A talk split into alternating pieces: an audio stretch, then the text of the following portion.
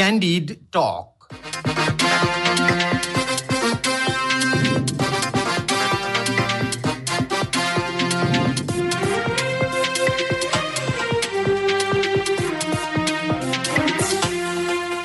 नमस्कार क्यान्डी टकमा तपाईँलाई स्वागत छ। म धीरज बस्नेत। रेडियो क्यान्डिडको प्रस्तुति कार्यक्रम क्यान्डी टक तपाईँले शनिबार बाहेक हरेक दिन बिहान साढे छ बजेबाट सात बजेसम्म आधा घन्टा सुन्दै आइरहनु भएको छ।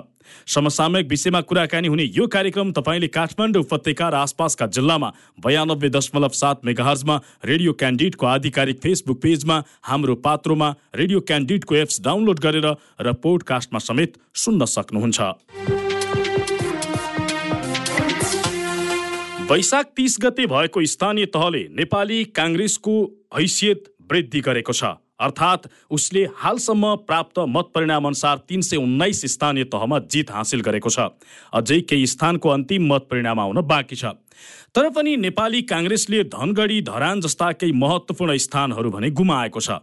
यस्ता स्थान कसरी गुमाउन पुग्यो नेपाली काङ्ग्रेसले? त्यसो त नेपाली काङ्ग्रेसभित्र गठबन्धनको चर्को विरोध हुँदै आएको थियो। त्यही गठबन्धनको लाभ लिएको हो वा नेपाली काङ्ग्रेसको हैसियत नै यो स्तरको बनिसकेको थियो। यी र यस्ता विषयमा आज हामी विशेष कुराकानी गर्दैछौँ निर्वाचनलाई अगाडि राखेर र त्यससँगै आगामी प्रतिनिधि सभाको निर्वाचनको परिदृश्यका विषयमा पनि कुराकानी गर्दैछौँ नेपाली काङ्ग्रेसका उपसभापति धनराज गुरुङसँग। गुरुङज्यू यहाँलाई स्वागत छ क्यान्डी टकमा।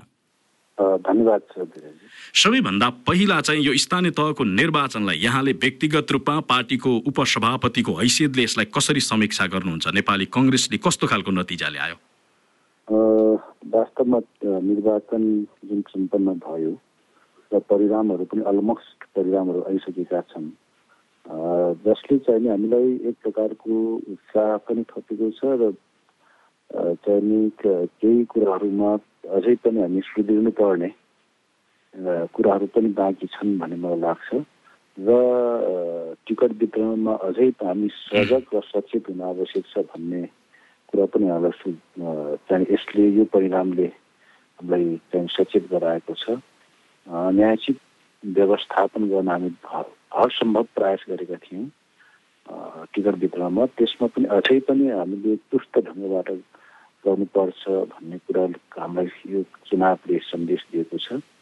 र थप चाहिँ नि यसले यो सङ्ख्यात्मक रूपमा जुन ढङ्गबाट हाम्रो बढोत्तरी नै भएको छ पहिले चौहत्तरको भन्दा अहिले आएर उनासीको निर्वाचन निश्चित रूपमा सङ्ख्यात्मक रूपमा बढोत्तरी भएको छ। र अब हामीलाई थप जिम्मेवार पनि बनाएको छ। पार्टी चाहिँ ऐतिहासिक जिम्मेवारीबाट म त थिँदै थियो।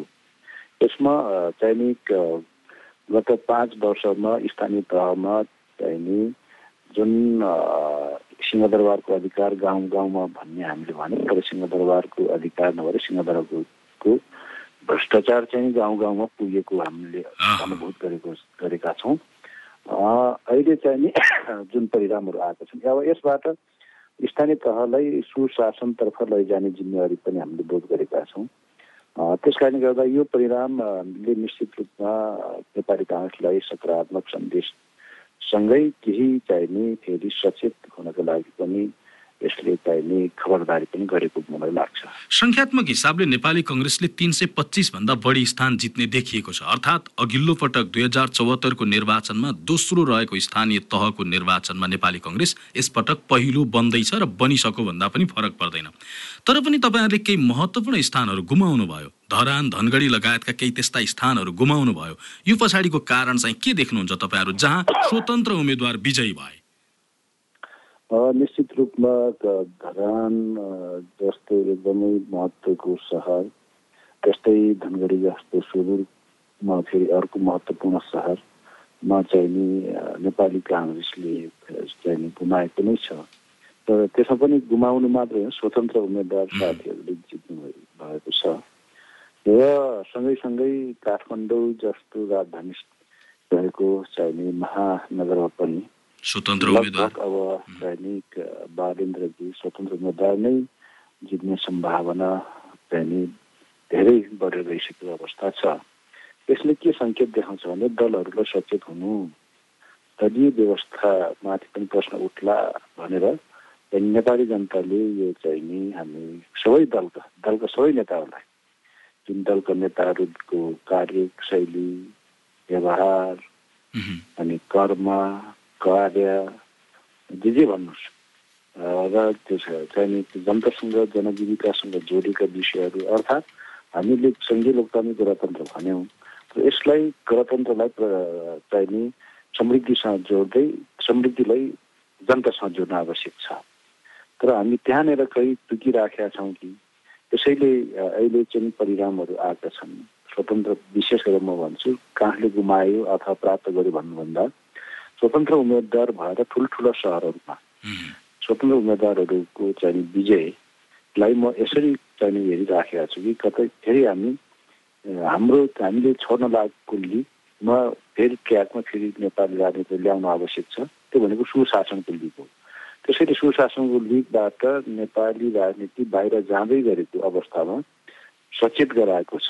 यो जितले त फेरि यस्तो पनि अर्थ दिँदैन र। खास गरी दलहरू चाहिँ भ्रष्ट हुँदै गए दलहरू पतित हुँदै गए दलहरू स्खलित हुँदै गए दलहरूलाई यो चाहिँ स्वतन्त्र उम्मेद्वार जसले जितेका छन् यिनले चाहिँ दलहरूलाई नराम्रोसँग झापड हाने भन्ने यसको अर्थ लाग्दैन? स्वतन्त्र उम्मेद्वारहरू झापड हाने भन्नुभन्दा पनि विशेष गरेर नेपाली जनताले सचेत गराएको छ। मैले तपाईँले भन्ने शब्दहरू भनिनँ तर मैले के भने भन्दा सुशासनतर्फ। नेपाली सिङ्गो नेपाली राजनीति सुशासनको लिगबाट बाहिर जाँदै छ। यसलाई चाहिँ नि सुशासनको लिगमा ल्याउने मैले अघि एउटा शब्द प्रयोग गरेको थिएँ कि चाहिँ नि सिंहदरबारको अधिकार नभएर सिंहदरबारको भ्रष्टाचार गाउँ गाउँमा पुग्यो पाँच वर्ष। त्यस कारणले गर्दाखेरि निश्चित रूपमा नेपाली जनताले नेपाली नागरिकले फेरि दलहरूलाई है अब चाहिँ अब समय छैन। समय अब अब पनि हामीले सुशासन स्थापित गरेर अघि अगाडि बढ्न सकेनौँ भने निश्चित रूपमा दुर्घटनामा जान सक्छ। त्यसो भएको कारणले गर्दा एकदमै गम्भीर चाहिँ सन्देश हो भन्ने मलाई लाग्छ। यो जुन जति ठाउँमा स्वतन्त्र भएर उम्मेद्वार भएर मूल मूल सहरमा त्यही पनि गाउँको चाहिँ नि कुनै ओडाको कुरो गरिराखेका छुइनँ मैले र तपाईँले अहिले। हामीले गरिरहेका छौँ मूल सहरहरूमै। चाहिँ नि यसरी स्वतन्त्र उम्मेद्वारहरूको विजय पछाडि उहाँहरूको पपुलारिटी आफ्नो ठाउँमा होला। तर त्यो पपुलारिटीलाई भन्दा पनि म के देख्दैछु भनेदेखि अहिले चाहिने नेपाली राजनीति सिङ्गो नेपाली राजनीतिमा स्थापित हुन नसकेको सुशासन नै हो त्यस कारणले गर्दा सुशासन मार्फत नैतिक राजनीति मार्फत फेरि मुलुकलाई चाहिँ एक ठाउँमा लिएर आउनु छ त्यस कारणले यो सचेत गराएको छ यो सचेत गराएको सन्देशलाई हामीले विवास्त गर्दै अगाडि बढ्यौँ भने सायद मलाई मैले अघि नै भनिसकेँ नेपाली राजनीति फेरि अर्को दुर्घटना पर्न सक्छ। तपाईँहरूले चुनाव अगाडि कहीँ कतै त्यस्तो महसुस गर्नुभएको थियो? हामीलाई स्वतन्त्र उम्मेद्वारबाट चुनौती छ है वा चाहिँ हामीलाई अलिकति खतरा छ है भन्ने खालको कहीँ कतै महसुस गर्नुभएको थियो? हेर्नुहोस् धिराजजी यो चाहिँ स्वतन्त्र उम्मेद्वारहरू उठ्ने र यसरी दैनिक यो अवस्थामा पुग्छ भन्ने चाहिँ हामीलाई त्यस्तो पूर्व अनुभूति त भएको थिएन। तर चाहिँ हामीलाई एउटा कुरा के थाहा थियो भने मैले त्यही भएर बारम्बार कुरा उठाइराखेका कारण के भने भ्रष्टाचारका काण्डहरूको निष्पक्ष छानबिन गर्नुपर्छ। राजनीतिक ठुला दलहरूका ठुला नेताहरू मुछिएको चाहिने भ्रष्टाचारलाई चाहिने भ्रष्टाचार काण्डहरूलाई ढाकछोप गर्नुहुन्न निष्पक्ष छानबिन गर्नुपर्छ र चाहिँ नि सुशासन स्थापित गर्नुपर्छ। भने मैले मेरो मूल एजेन्डा यही हो। र त्यो एजेन्डा किन उठाइराखेका थिएँ भन्दा यस्तै परिस्थिति आउँछ। कुनै दिन फेरि नेपाली राजनीतिले अर्को बाटो दिन पनि सक्छ भनेर नै मैले चाहिँ नि बारम्बार उठाउँदै आएको हो। किन भन्दाखेरि प्रजातन्त्र भनेको मातृ प्रजातन्त्र होइन। प्रजातन्त्र भनेको एउटा परिपाटी जुन परिपाटीले मूल चाहिँ नेपाली जनता आफै सा आफैले आफैलाई शासित गरेको महसुस गरोस्। तर यहाँ चाहिँ नि त हामी त प्रजातन्त्र ल्याएको पनि तिसौँ वर्ष भयो गणतन्त्र भनेको पनि लगभग अब चाहिँ बाह्र पन्ध्र वर्ष हुन थाल्यो। तर यति लामो समयमा पनि हामीले चाहिँ नि खाली व्यवस्थाको कुरा गऱ्यौँ गऱ्यौँ तर नेपाली जनताको अवस्थाप्रति हामी झन्डै झन्डै इग्नोर नै गरे जस्तो नजरअन्दाजै गरे जस्तो भयो जसको परिणाम हो भन्ने मलाई लाग्छ। त्यस कारणले गर्दाखेरि पहिल्यै पूर्व अनुभूति नभए तापनि चाहिँ यो चाहिँ नि हामीले ट्र्याक नेपाली राजनीतिलाई नैतिकताकै ट्र्याकमा ल्याउनु पर्छ। नेपाली राजनीतिलाई वास्तवमा चाहिँ सुशासनकै ट्र्याकमा लिएर आउनुपर्छ भनेर चाहिँ बारम्बार किन हामीले भनिरह्यौँ भन्दाखेरि यस्तै अवस्था आउँछ भनेर भनेका थियौँ। तर यो चाहिँ नि अहिलेकै निर्वाचनमा देखा परिरहेको छ। त्यस कारण अब पनि हामी सचेत भएनौँ भने आगामी निर्वाचनहरूमा मात्र होइन मैले अघि नै भने एउटा सिङ्गो परिपाटी एउटा मुलुकको चाहिँ परिपाटी नै दुर्घटना पर्न जान सक्छ। दलहरू सुध्रिनका लागि यतिसम्म हुनुपर्ने थियो भयो भन्ने तरिकाले बुझ्नु पर्यो यसलाई। यद्यपि अब मैले अर्को यो चाहिँ हामी सुध्रेनौँ भने मैले भनिहालेँ यो चाहिँ सुध्रिनुपर्छ भन्ने सन्देश हो। हामीलाई सङ्केत र सन्देश हो। त्यस कारणले गर्दाखेरि यसलाई मैले सकारात्मक रूपमा लिन्छु एउटा पाठको रूपमा लिनुपर्छ। शीर्ष सबै हामी दलका नेताहरूले यसलाई चाहिने एउटा पाठको रूपमा लिनुपर्छ। त्यस कारणले गर्दाखेरि हामीलाई अब फेरि चाहिने उही पुरानै ढर्रामा हिँड्ने छुट छैन भन्ने सन्देश पनि हो। अब अर्को पाटोतिर म प्रवेश गर्न चाहेँ। खास गरी गठबन्धनको तपाईँहरूले एकदमै चर्को विरोध गरिरहनु भएको थियो। कङ्ग्रेस आफै गठबन्धन नगरिकन सक्षम छ चुनाव लड्न सक्छ चुनाव जित्न सक्छ भन्दै आउनु भएको थियो। तर गठबन्धनले त राम्रै फलिफाप दियो त कङ्ग्रेसलाई। तपाईँहरूले विरोध गर्नुको त खास अर्थ देखिएन। हेर्नुहोस् धीरजी सैद्धान्तिक रूपमा। सैद्धान्तिक रूपमा संसदीय पद्धतिमा बहुलवादमा आधारित संसदीय पद्धतिमा मैले भन्दैछु सैद्धान्तिक रूपमा। सैद्धान्तिक रूपमा पार्टीहरूले आफ्नो का नीति कार्यक्रम लिएर जाने। अहिले पनि तपाईँ गठबन्धन हामीले पाँच दल यता गऱ्यौँ उता ओलीजीले पनि आठ सात आठ दस दलसँग गरे। तर सबै पार्टीले घोषणापत्र त आफै निकाले हो नि त। काङ्ग्रेसले पहिले घोषणापत्र निकाल्यो त्यस्तै माओवादी केन्द्रले निकाल्यो नेकपा एकीकृत समाजवादीले निकाल्यो जसपाले निकाल्यो जनमोर्चाले निकालेकै हो उतापट्टि फेरि एमाले आफ्नै घोषणापत्र निकाल्यो अरू एमालेसँग रहेका चाहिँ राप्रपाहरूले पनि आफ्नै घोषणापत्रहरू सार्वजनिक गरे त्यस कारणले गर्दाखेरि वास्तविक कुरा चाहिँ सैद्धान्तिक रूपमा भन्यो भने अहिले पनि म त्यो कुरा म छु कि चाहिने सैद्धान्तिक रूप दृष्टिकोणबाट हेर्ने हो भने बहुलवादमा आधारित संसदीय पद्धतिमा दलहरूले आफ्नो नीति कार्यक्रम लिएर म यो गर्छु है जित्यो भने भनेर चाहिँ नि जनता बिचमा जाने नै हो त्यसमा त्यो सैद्धान्तिक कुराबाट हामी विचलित भएका होइनौँ नम्बर एक नम्बर दुई चाहिँ नि जब केन्द्र हामी पार्टीमा आबद्ध भइसकेपछि केन्द्रीय कार्य समितिले जब चाहिँ यो तालमेलमै जाने भन्ने निर्णय गरिसकेपछि म चाहिँ नि मैले त्यो पार्टीको निर्णयलाई के चाहिँ मान्नै पर्छ। हरेकले मैले मात्र होइन हरेकले मान्नुपर्छ। त्यस कारणले गर्दा तालमेल गर्नु हुन्थ्यो हुन्थेन भन्ने कुरा च्याप्टर क्लोज भइसक्यो। अब रह्यो तपाईँले जुन सोध्नु भएको छ पछिल्लो कुरा तालमेल गर्दाखेरि चाहिँ राम्रै सङ्ख्यामा राम्रै उपस्थिति भयो। तपाईँहरूले उठाएको कुरा त गलत रहेछ कि भन्ने कुराको सन्दर्भमा मैले अघि नै भने कि यो चाहिँ सैद्धान्तिक रूपमा गलत थिएन। तर यो चाहिँ प्रजातन्त्रको अर्को चाहिँ पाटो के हो भन्दाखेरि राम्रो होस् नराम्रो होस् टाउको गर्ने।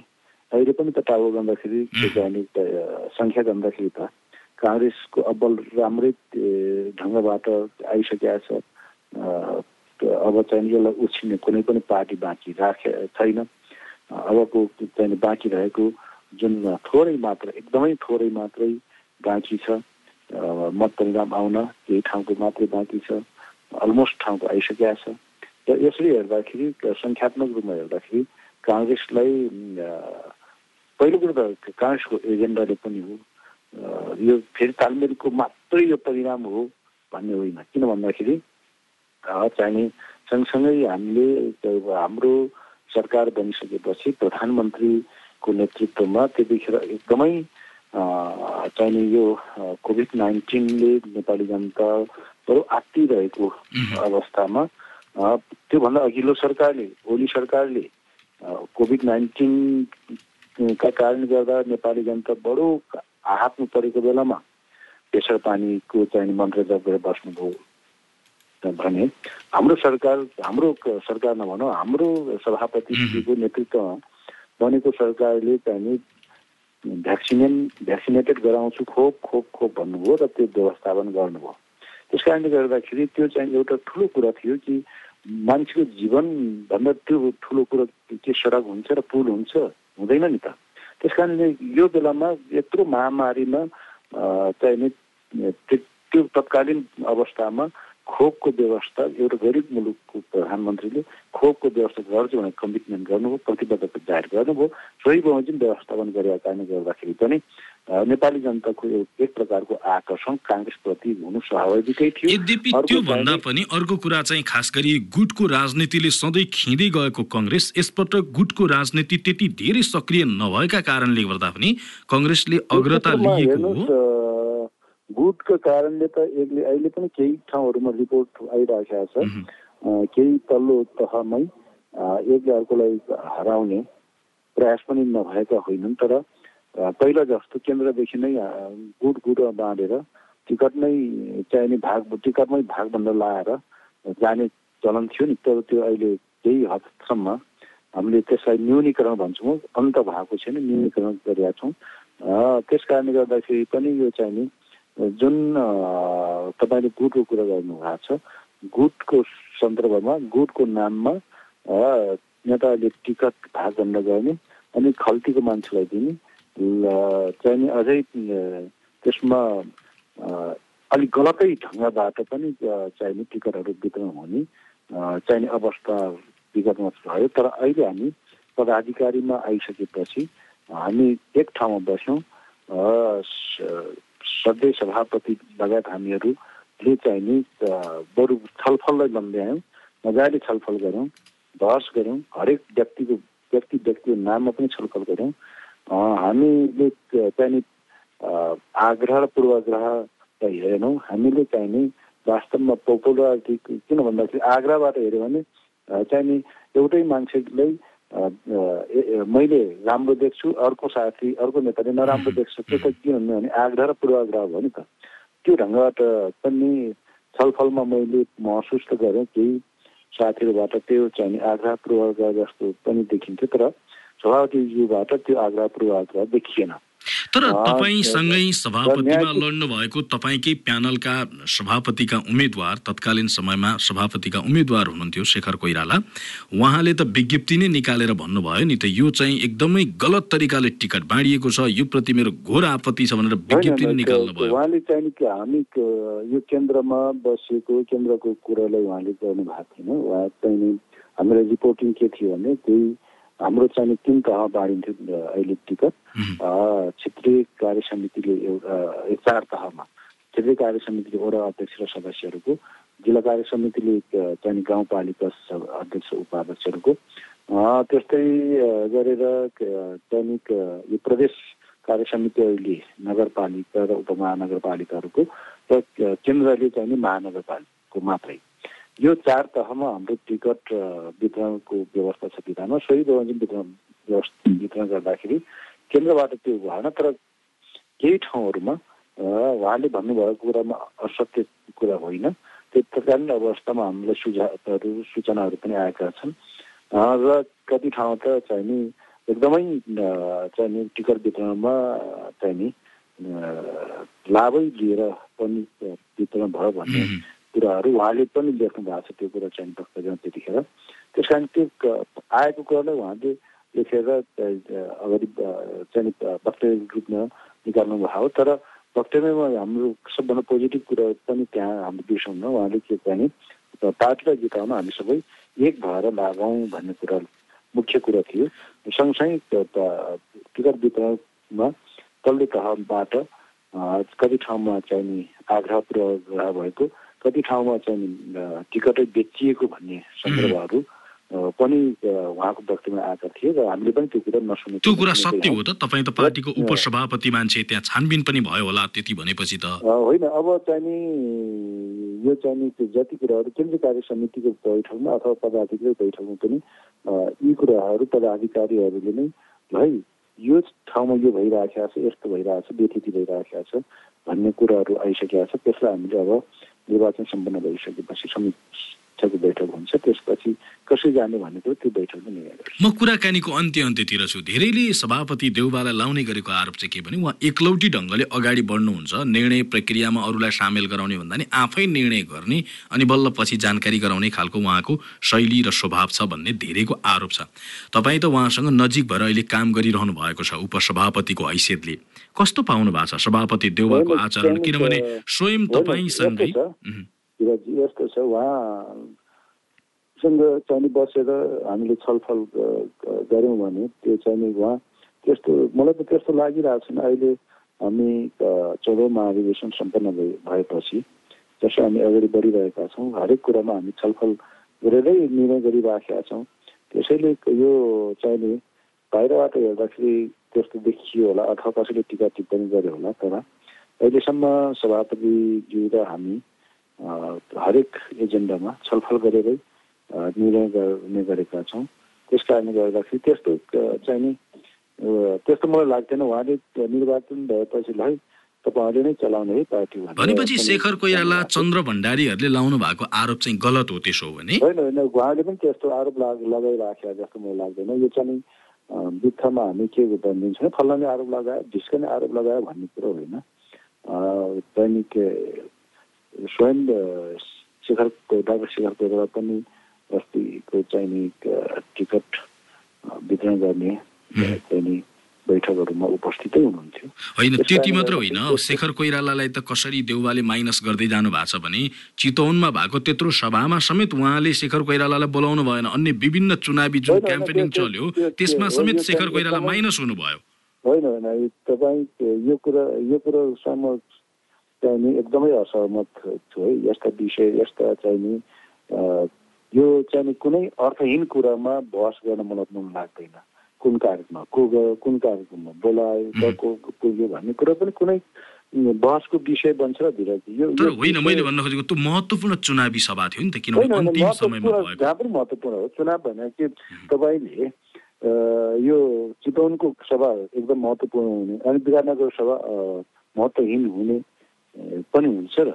त्यस कारणले गर्दाखेरि चुनाव आखिरमा तपाईँले अहिले मैले अघि नै भने टाउको गर्दाखेरि त त्यहाँनिर एकदम हिमालको चाहिँ नि दुई सयजनाले निर्णय के अरे मतदान गरेर अध्यक्ष भएको अध्यक्ष पनि एउटै हो।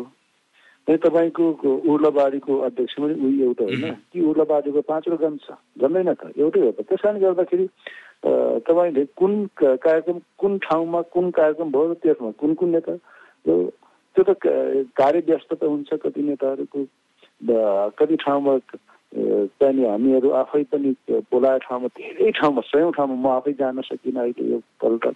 त्यस कारणले गर्दाखेरि यो विषय छलफलको विषय नै होइन भन्छु सारमा त्यसो भने नेपाली कङ्ग्रेसभित्रको गुटको राजनीति अन्त्य भएको हो यो भन्न सकिन्छ। हामी एकदम गुटको कुरालाई अन्त्य गर्दै समग्र काङ्ग्रेस एक काङ्ग्रेस र सबल काङ्ग्रेस सशक्त काङ्ग्रेस बनाउने अभियानमै छौँ। मेरो अन्तिम प्रश्न मङ्सिरमा हुने भनिएको प्रतिनिधि सभाको चुनावमा नेपाली काङ्ग्रेसले अहिलेको चुनावलाई अगाडि राखेर हेर्दाखेरि आफ्नो हैसियत कहाँ पाउँछ? हेर्नुहोस् नेपाली काङ्ग्रेस मङ्सिरको निर्वाचन आउने आगामी आम निर्वाचन पहिलो पार्टी नै बन्छ। यसमा दुई मात्रै छैन तर हामीले त्यो त्यो त्यो भनेर घाम तापेर बस्नु होइन। अथवा छारी नब- नबस्ने शीतल तापेर बस्नु पनि होइन। कर्म गर्दै जानुपर्छ। यो बाँकी छ महिनामा स्थानीय तहमा निर्वाचित साथी मैले अघि नै भनेको छु कि प्रत्यक्ष जनतासँग जोडिएको विषयहरूमा सुशासन स्थापित गरेर जान सक्नु पर्दछ अ, सँगै हामीले पनि आफूलाई त्यही ढङ्गबाट परिचालित गराउनु पर्- पर्दछ सङ्गठनलाई र आउने निर्वाचनमा पनि हामी पहिलो नै बन्छौँ भन्ने मलाई लाग्छ त्यतिखेर चाहिँ गठबन्धन हुन्छ कि हुँदैन? त्यो त कथाले मागे बजो हुन्छ। त्यतिखेर कथा परिस्थिति के हुन्छ र कथाले के माग्छ त्यही हुन्छ। हस् यहाँलाई महत्त्वपूर्ण समय र संवादका लागि धेरै धेरै धन्यवाद। यहाँलाई पनि हार्दिक धन्यवाद दिन चाहन्छु। धन्यवाद। आजको कार्यक्रममा नेपाली काङ्ग्रेसका उपसभापति धनराज गुरुङसँग कुराकानी गर्यौं हौस् त क्यान्डी टकको यो अङ्क आजलाई यति नै। प्रविधि संयोजनका लागि सृजना भुजेललाई धन्यवाद। कार्यक्रमबाट म धीरज बस्नेत विदा माग्छु। रेडियो क्यान्डिड सुन्दै गर्नुहोला। नमस्कार।